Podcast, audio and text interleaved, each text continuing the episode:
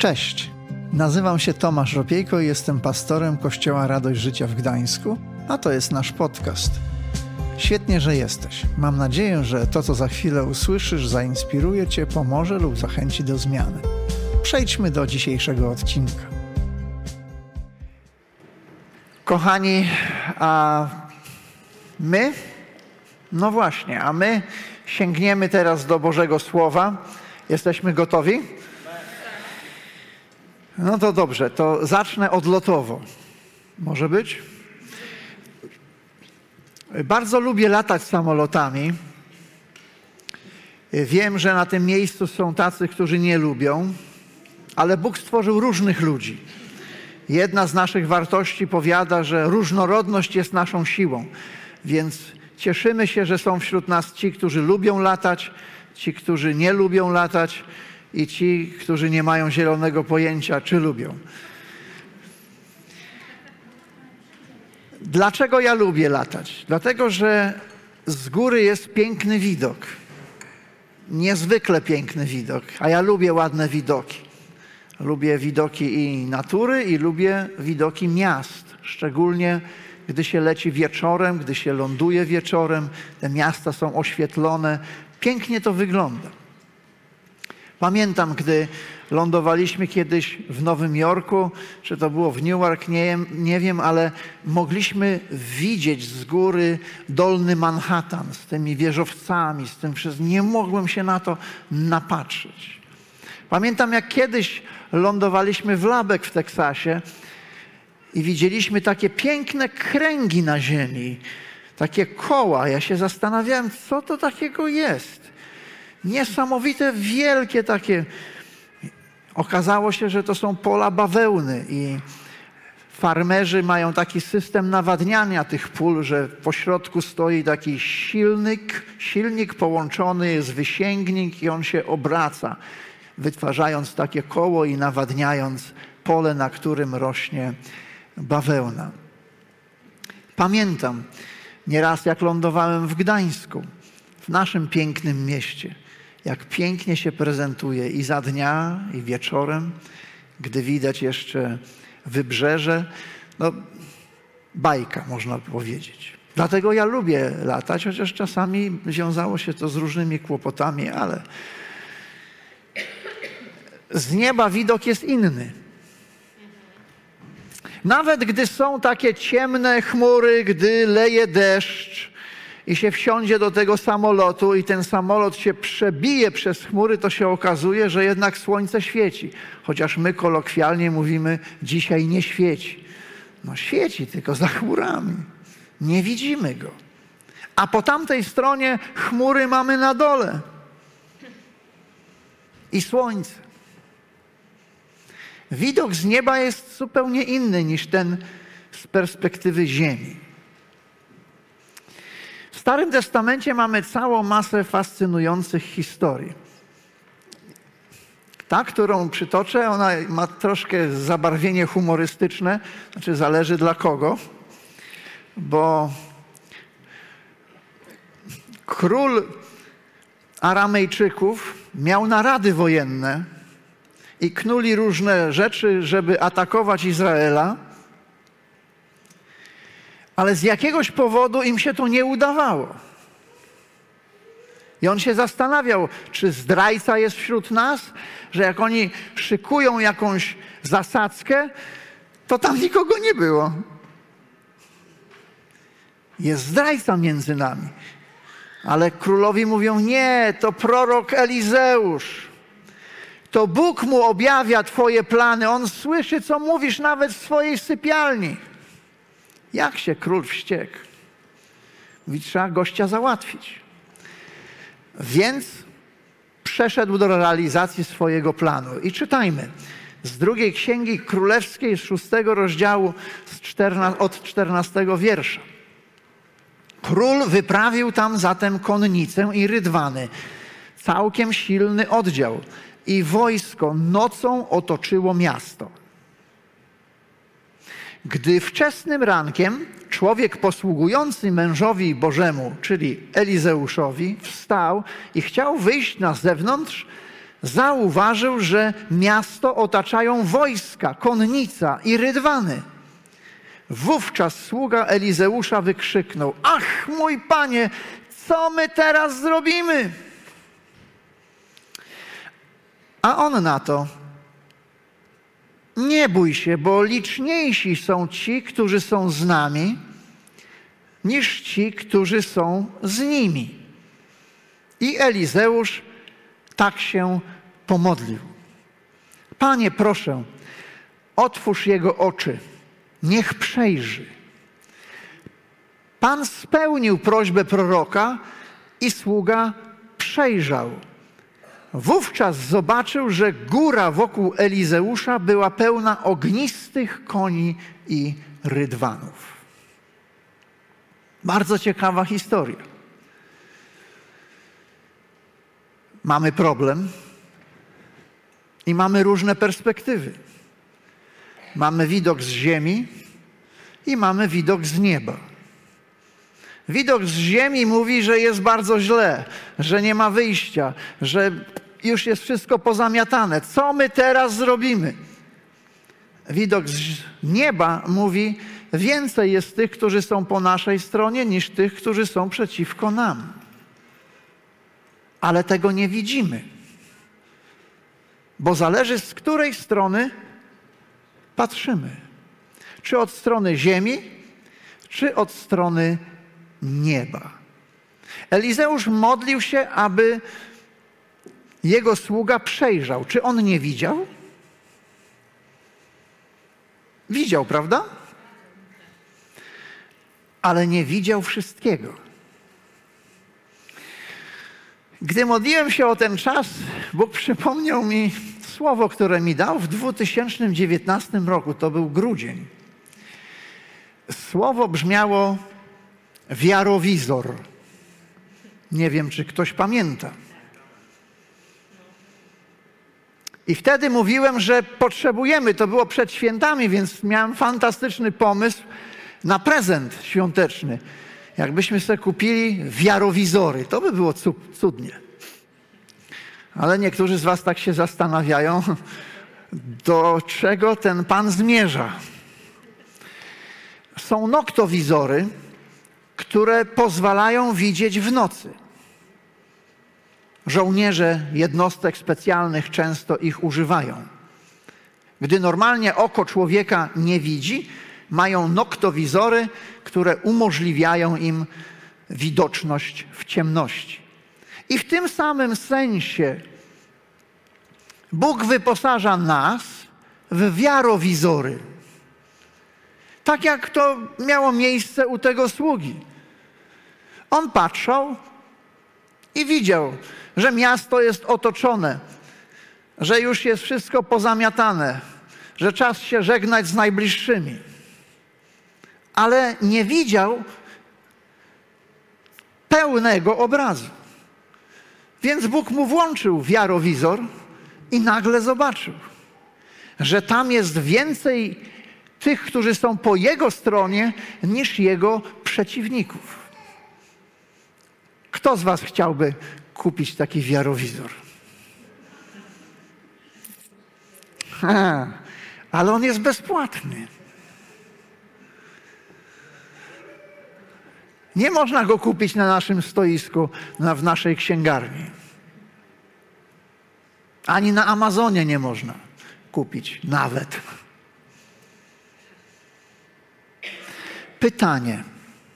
Gdy patrzysz na siebie, na swoje życie, to co widzisz? Widzisz wyraźniej potęgę kochającego Cię Jezusa, czy problemy, które Ciebie przytłaczają? Co bardziej widzisz? Co bardziej Ci się rzuca w oczy? Bóg wie, że my mamy problem z tym wzrokiem, dlatego wielokrotnie w Biblii pojawia się element widzenia, uzdrawiania oczu, żebyśmy widzieli jak trzeba. W pierwszym rozdziale listu do Efezjan znajdujemy taką modlitwę apostoła Pawła od 18 wiersza. Pragnąłbym, pisze Paweł, pragnąłbym, abyście mając oświecone oczy swoich serc. Na potrzebę tej usługi możemy powiedzieć tak: pragnąłbym, abyście, mając na nosie wiarowizory, zobaczyli. A cóż takiego mamy zobaczyć? Proszę bardzo. Jaka jest nadzieja? Jaka nadzieja wiąże się z Waszym powołaniem? Jak niezwykła ona jest? Jakie jest bogactwo chwały z Jego dziedzictwem pośród świętych? Jakim bogactwem swojej chwały. Wcześniej Paweł pisze, że w, przez niebo zostaliśmy ubłogosławieni, czy przez Boga wszelkim duchowym błogosławieństwem niebios. Ale często tego nie widzimy, bo nam bateryjki w wiarowizorze wysiadają. Nie widzimy. I Paweł się modli, aby oni zakładali ten, te wiarowizory i żeby widzieli te nadzieje, żeby widzieli to bogactwo chwały i żeby byli świadomi, jak nadzwyczajna jest wielkość Jego mocy względem nas, wierzących zgodnie z działaniem Jego potężnej siły. Trzy elementy, o których pisze Paweł. Ale myśl jest taka, jest taka perspektywa, do której potrzebujemy tego wiarowizora, do której potrzebujemy spojrzenia z nieba, tego widoku z nieba, bo z ziemi po ziemsku tego nie zobaczymy. Potrzebujemy tego, który pomoże nam żyć na ziemi z perspektywą nieba. I tę zasadę dobitnie widać w historii kolejnej ze Starego Testamentu. Jest to historia zwiadowców, którzy zostali wysłani przez Mojżesza, aby zbadać obiecaną im przez Boga ziemię. Mówiąc żartobliwie, jak to mam w zwyczaju, mieli sprawdzić, na ile zdjęcia z folderów, które rozdawał im w Egipcie Mojżesz, zgadzają się z rzeczywistością. My oglądamy na stronkach jakichś internetowych różne rzeczy, nie? Potem ktoś jedzie na te wakacje i niby ten sam pokój hotelowy jakoś inaczej wygląda. Widok też jakiś inny. Więc oni mieli sprawdzić, tak? czy to jest rzeczywiście ziemia wartościowa, czy to jest ziemia, o którą warto zabiegać. I wszyscy zwiadowcy byli w tej samej ziemi, ale wrócili z jakże odmienną perspektywą. Można by powiedzieć zaczepnie, jedni zabrali ze sobą wiarowizory, a drudzy nie.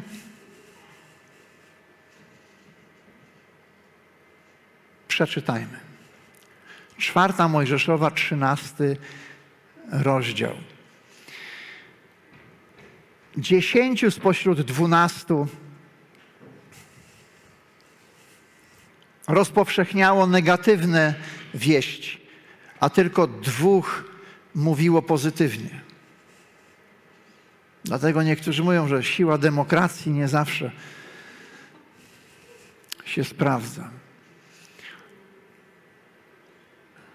Na tę wieść, na tę wieść, gdy tamtych dziesięciu zaczęło opowiadać swoją wersję czarnowidzących, na tę wieść lud oburzył się na Mojżesza, także Kaleb zaczął uciszać niezadowolonych. Najedziemy tę ziemię odważnie, przekonywał, i zdobędziemy ją, na pewno zdołamy ją zdobyć. Jednak zwiadowcy, którzy jak Kaleb brali udział w wyprawie, twierdzili: Nie poradzimy sobie z tym ludem.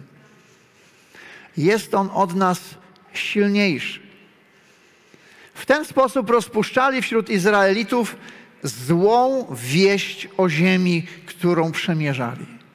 Ziemia, w której byliśmy na zwiadach, mówili, to ziemia niebezpieczna dla tych, którzy chcieliby w niej zamieszkać. Jej mieszkańcy to mężczyźni rośli. Widzieliśmy tam także olbrzymów, potomków Anaka, wywodzących się od olbrzymów. Wobec nich wydawaliśmy się sobie jak szarańcza i tacy byliśmy w ich oczach.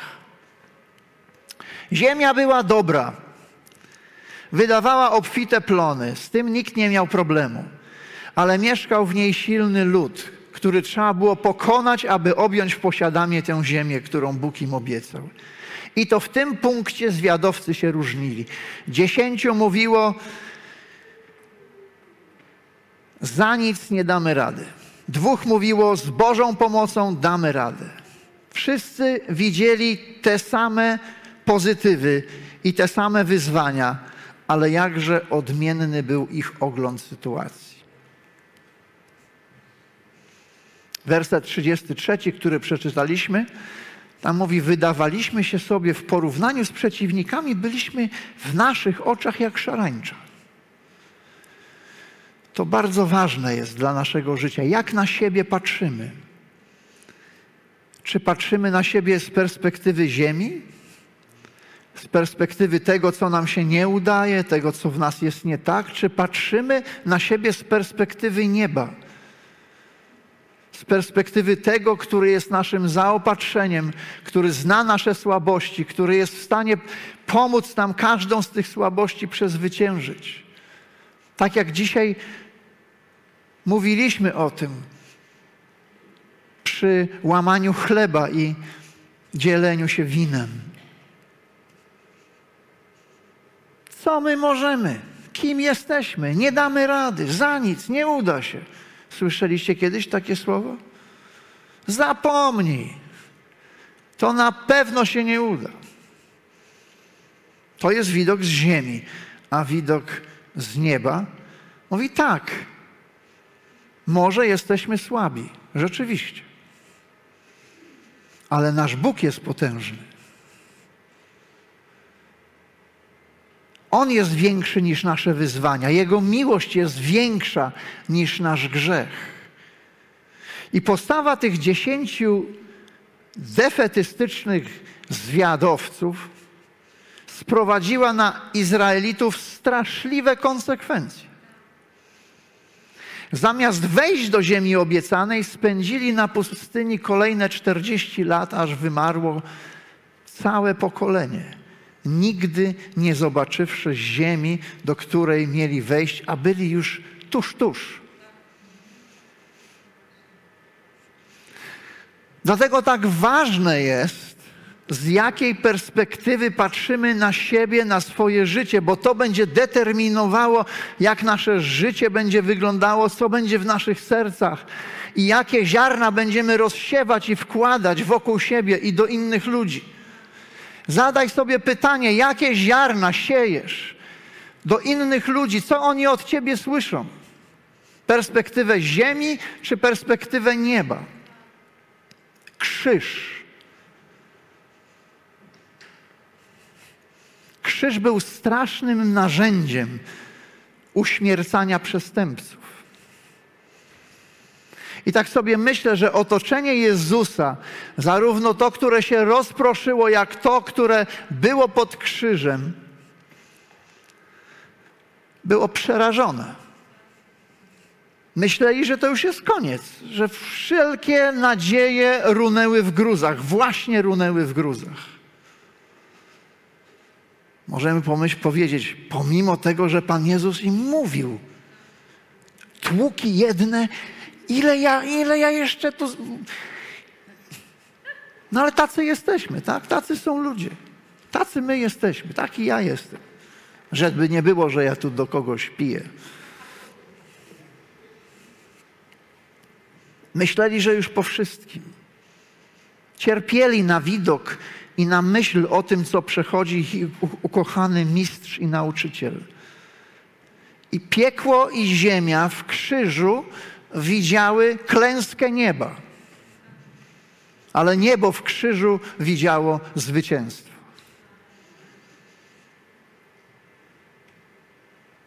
Co ty i ja widzimy, gdy patrzymy na swoje życie? Czy mamy widok nieba, czy mamy widok ziemi? I idąc przez życie, umówmy się, łatwo się zniechęcić. Wiele różnych rzeczy idzie nie tak, ludzie się nas czepiają, nie traktują nas zawsze tak, jakbyśmy chcieli. To wszystko sprawia, że stajemy się ociężali, zniechęceni, otoczeni zmaganiami, tracimy wiarę, tracimy animusz życia, czasem wręcz czujemy się bezradni. Nie pytajcie, skąd wiem. Prawda jednak jest taka, że każdy z nas codziennie staje przed wyborem. Czy będziemy patrzeć na Jezusa, na Jego potęgę, na to, jaki jest, czy będziemy wpatrywać się w nasze problemy i pozwalać im rosnąć w naszych oczach. To jest wybór każdego z nas. Więc warto zadać sobie pytanie, na co patrzę. To troszkę tak jak wybór tapety na ekranie komputera. Lekka podpowiedź: wybierz widok z nieba. Ale to każdy z nas ustawia sobie w życiu tę tapetę. Nikt tego za nas nie zrobi. Ja tego doświadczam. Gdy tak rozmyślam o wszystkich zmaganiach, przeciwnościach, trudnościach, które stają na drodze, ostatnio jakoś ich nie brakuje, to Jezus w mojej świadomości czasem z wszechmogącego, wszechmocnego staje się mocny. A jeżeli nie uważam, to z mocnego staje się niemocnym. I wówczas moje niebo pokrywa się grafitowymi chmurami, tak nisko zawieszonymi, że wręcz na wyciągnięcie ręki. A Pan Jezus przecież powiedział, że dana mu jest tak trochę mocy. W niedzielę zawsze najwięcej, w tygodniu. Śmiejemy się, nie? No oczywiście, haha. On powiedział, że wszelka moc mu jest dana. A wszelka to znaczy.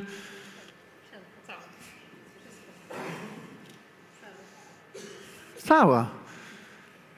Czyli nic mu nie brakuje. A, to dobra podpowiedź.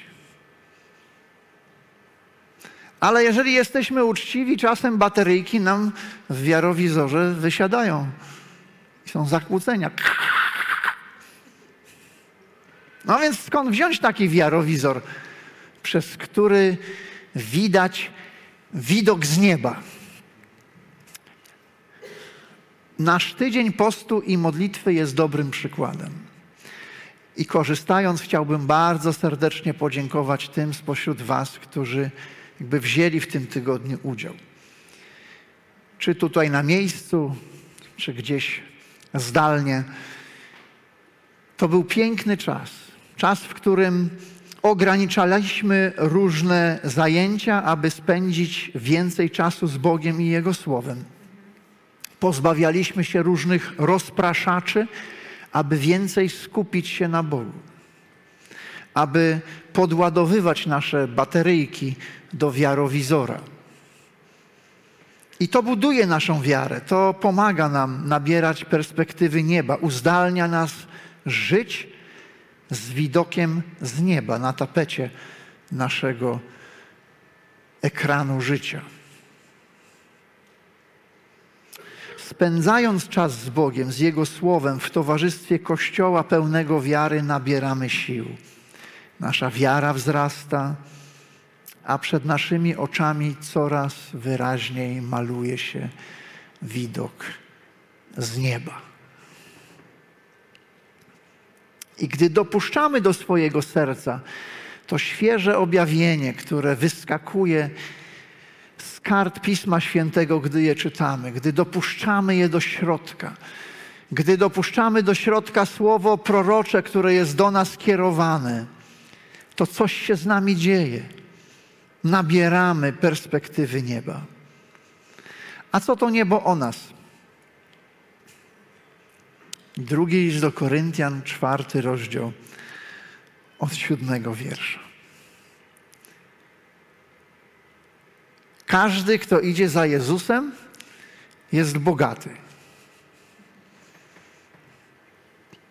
bo ma skarb.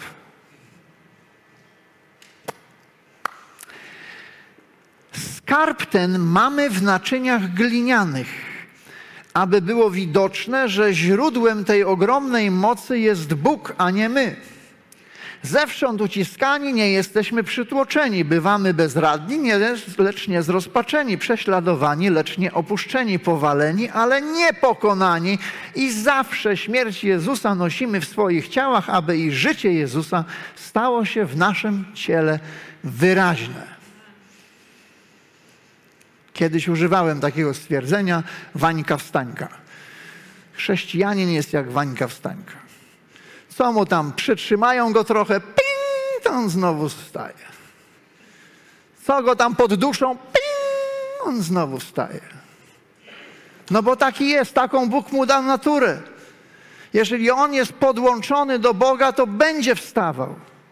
Dostanie solidnie, ale wstanie. Wiele nieszczęść spotyka sprawiedliwego, ale czytamy, że Bóg ratuje z każdego z nich.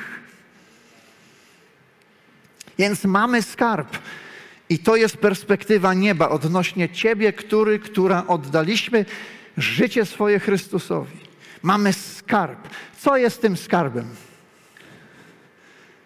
Hmm, ting, tung, tung, telefon do przyjaciela. Tym skarbem jest Ewangelia. Ewangelia, która ma moc zmienić życie człowieka. Zmieniła Twoje? Jeżeli człowiek otwiera swoje życie na Ewangelię, jeżeli przyjmuje do swojego serca Boże Słowo, to nie ma inaczej. Będzie zmiana. Bóg zmienia nasze życie. Gdy poddajemy się Mu, gdy otwieramy nasze serce. I jako naśladowcy Jezusa jesteśmy nosicielami Ewangelii, która ma moc przemienić życie każdego człowieka, kto otwiera na nią serce.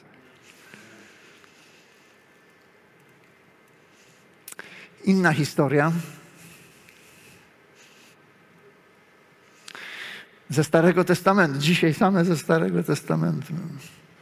Bardzo ciekawa, znaczy trudna akurat. To jest kolejny rozdział z tego, co już czytaliśmy na początku. Aramejczycy oblegają Samarię, czyli stolicę północnego państwa Izrael. Sytuacja jest na tyle poważna i dramatyczna, że w mieście panuje głód. Ludzie umierają. Nie będę mówił o innych drastycznych rzeczach, jakie mają tam miejsce, można przeczytać o tym, ale podsumowując, jest bardzo źle. Ludzie są załamani, nie widzą rozwiązania, wychodzą z założenia, że już jest po nich. Ale dzieje się coś niezwykłego. Pod murem koczuje czterech trędowatych. I tak sobie myślą. Do miasta, jak wejdziemy, to tam umrzemy, jeśli nas wpuszczą. Trędować. Tutaj, no co tutaj? Będziemy siedzieć. Idziemy do tych Aramejczyków, do ich obozowiska Zobaczymy. Jak nas zabiją, to i tak to szybciej będzie, mniej będzie bolało. Ale może nam okażą łaskę. I idą do tego obozowiska, patrzą, a tam pusto. Namioty stoją, rzeczy jeszcze, herbata, jeszcze kawa na kuchence gazowej. Tak jakby ktoś tu przed chwilą był, ale nikogo nie ma. Idą dalej i dalej i nikogo nie ma. Wszystkie namioty stoją, pełne skarbów. No to chyc do jednego. Kabanowski, ciach, ciach, ciach, czy cokolwiek tam było. Najedli się. Złoto, srebro, fikumiku, cyk, schowali. To co, idziemy do następnego namiotu? No pewnie, nie? Wchodzą do następnego i ta sama operacja. Jedzonko, cyk, cyk, cyk, cyk, cyk. Złoto, srebro, fikumiku. I nagle ping! Mówią, te chłopaki, jeden taki bardziej rzutki mówi, chyba coś nie tak. Tak nie można. To ja parafrazuję, to przeczytajmy, ok? Przy tym jednak jeden powiedział do drugiego: Niedobrze robimy. Ten dzień to przecież dzień dobrej wieści. Jeśli to przemilczymy i będziemy tu czekać do rana, spotka nas kara. Chodźmy zaraz, donieśmy o tym w pałacu. Innymi słowy, nam tu jest fajnie, tak? Szamanko, szaberek, wszystko jest jak trzeba, ale, ale tam ludzie giną, oni nic nie wiedzą o tym, co się wydarzyło. Myślą, że już ma, że je mają przechlapane, że jest po nich, ale przecież żyją, jest ratunek. Dlaczego te namioty były puste? Odsyłam do tego rozdziału, można w domu przeczytać. Ale w mieście się dowiedzieli i się ucieszyli. Czy ktoś pamięta jakieś hasło na ten sezon służby naszej? Podaj dalej. No właśnie. Nie zatrzymuję tego za siebie. Tak, super, tu jest szamaneczko, tu jest wszystko, cacy, jesteśmy zaopatrzeni, ale przecież tam są ludzie, którzy giną. Nie mogę tego zachować dla siebie. To jest przecież dzień dobrej wieści. Dobre wieści mamy? To podaj dalej. I dlatego tak mówimy, Bóg dał nam dobre wieści, dał nam skarb, nie po to, byśmy go zatrzymali dla siebie, byśmy się nim dzielili z miłości, hojnie, nie zabraknie. To jest, co my damy, to zaraz tam Bóg z powrotem włoży, nie bójmy się, że nam zabraknie. Co się dzielimy z innymi, to Bóg wypełni. Bóg daje do naszych serc perspektywę nieba. I też nie tylko po to, byśmy sami się nią cieszyli, ale byśmy mogli się nią dzielić. I jako Kościół mamy ważny do odegrania rolę w społeczeństwie. I do tego potrzebne jest postrzeganie siebie, innych ludzi, Kościoła, rzeczywistości z Bożej perspektywy. Dlatego Bóg daje nam widok z nieba, nie tylko z ziemi. Gdy Pan Jezus powiedział w ostatnim nakazie misyjnym, wielkim nakazie misyjnym, na koniec Ewangelii Mateusza, o tym możemy przeczytać, powiedział uczniom: idźcie na cały świat, czyńcie uczniami wszystkie narody. To oni byli przerażeni, oni mieli wątpliwości, czy dwunastu facetów jest w stanie zmienić cały świat. Jeśli ty się zastanawiasz, czy ty możesz zmienić cały świat, to przyłączam się do ciebie całego świata pewnie ani ty, ani ja nie zmienię. Ale każdy z nas może zmienić swój świat. Ten nasz mały świat, w którym się na co dzień obracamy. Tam wydać dobre świadectwo. Tam podzielić się słowem nadziei, słowem miłości, słowem, które wnosi radość i miłość. Dlatego dzielimy się Ewangelią i mówimy: podaj dalej. Jeśli mamy wypełnić to zadanie zlecone nam przez Jezusa, to musimy głęboko w naszych sercach wiedzieć, jak potężny jest Jezus, jak potężny jest On, kim my jesteśmy w Chrystusie, co w Nim mamy i jaka jest nasza misja na tym świecie. I wspólnie z wiarowizorem na oczach odkrywajmy, co Bóg ma dla nas w tym roku. Zjednoczeni z Bogiem i ze sobą nawzajem możemy zrobić naprawdę dużo więcej niż myślimy. Pamiętajmy, że każdego dnia stajemy przed wyborem. Jaki widok wybierzemy na tapetę ekranu naszego życia? Czy widok z ziemi, czy widok z nieba? Podpowiadam, wybierz widok z nieba i podaj dalej. Powstajmy do modlitwy, kochani.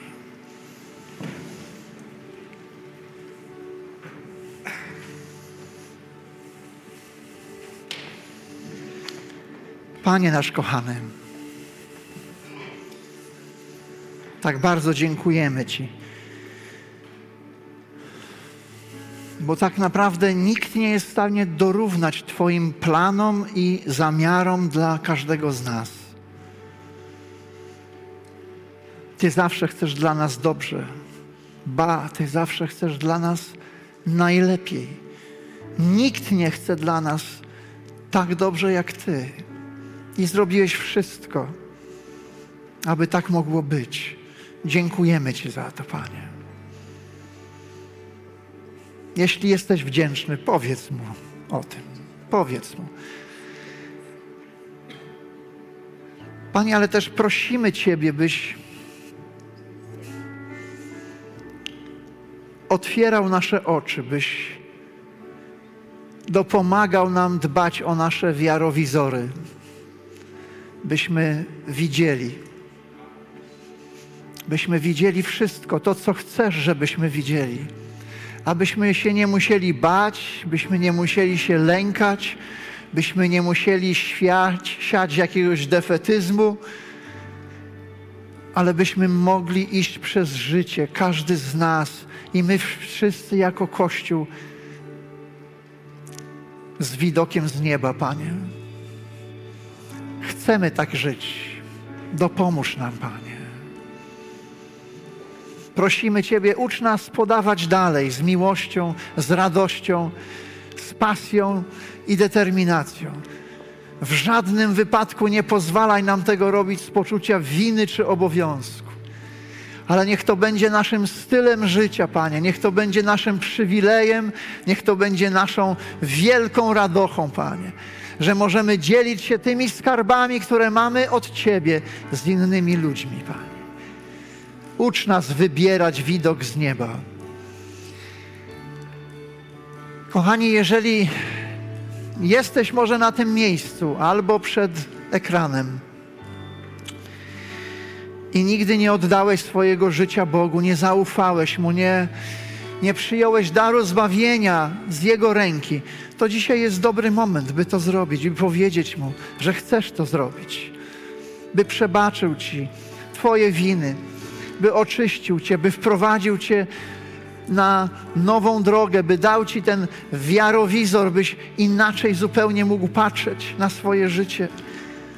Jeżeli to jest Twoje pragnienie, po nabożeństwie będą tutaj po prawej stronie duszpasterze, chętnie się z Tobą pomodlą. Chętnie odpowiedzą na Twoje pytanie. Uwielbimy Boga, kochani, z głębi serca.